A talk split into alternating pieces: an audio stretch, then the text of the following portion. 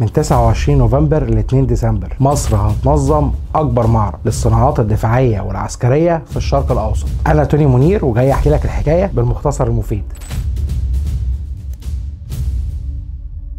معرض إيدكس الفكرة بدأت بقرار من رئيس الجمهورية. أعلنت القوات المسلحة المصرية في مؤتمر صحفي سنة 2017 عن تنظيمها لمعرض إيدكس لأول مرة وقرروا إن المعرض هيتنظم كل سنتين. الدورة الأولى من المعرض كانت في 2018 والمفروض الدورة الثانية تكون في ديسمبر 2020 بس كورونا كان ليها رأي تاني. معرض إيدكس 2021 السنة دي قرروا إنهم يعرضوا جميع الصناعات العسكرية اللي تنتجها وزارة الإنتاج الحربي والشركة العالمية للبصريات والصناعات البحرية والهيئة العربية للتصنيع وكمان ورش الإنتاج بالقوات المسلحة. المعرض المرة دي هيبقى حكاية. هيعرضوا فيه كل المنتجات العسكرية المصرية والمنتجات الدفاعية للدول العالمية والعربية والأفريقية طبعا. تيجي تقول لي طب إيه فايدة كل ده؟ أقول لك يا غالي من وقت الثورة وتوتر اللي كان بعدها تنظيم حدث مهم زي ده كان بيقول إن مصر تقدر وإنها مستقرة بشكل كبير مش بس على المستوى الأمني ده كمان على المستوى الاقتصادي. المعرض ده عامل زي البوابة اللي هنقدر من خلالها ندخل أسواق جديدة إقليمية وعالمية وهيعرف كل الشركات والمصانع المصرية على التكنولوجيا الجديدة في عالم التسليح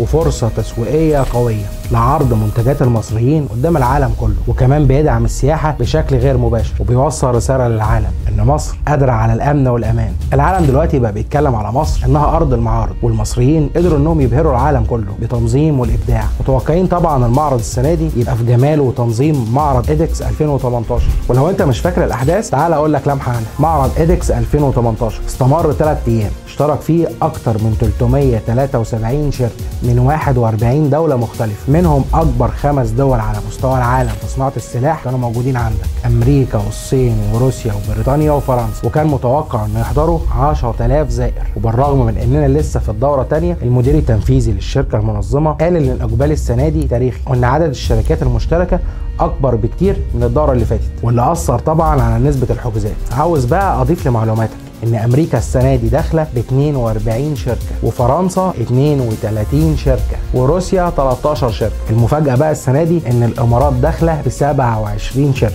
الخلاصة بقى المعرض ده رسالة للعالم كله بيقول مين هي مصر وتعبير صريح عن مدى قوتها وقوة جيشها واقتصاد تاني للدولة. فايدة من كل الجوانب توقيع صفقات وتسويق عالمي. وبنعمل دلوقتي مشاريع مشتركة. الناس بقى بتوع التسويق شوفوا بلدكم بتفكر إزاي. كل واحد بقى يستفيد على المستوى الشخصي وعلى المستوى العام ما تنساش بقى تعمل like و share وتفعل زر الجرس عشان كل جديد يوصلك. بس كده. عظيمة يا مصر. سلام.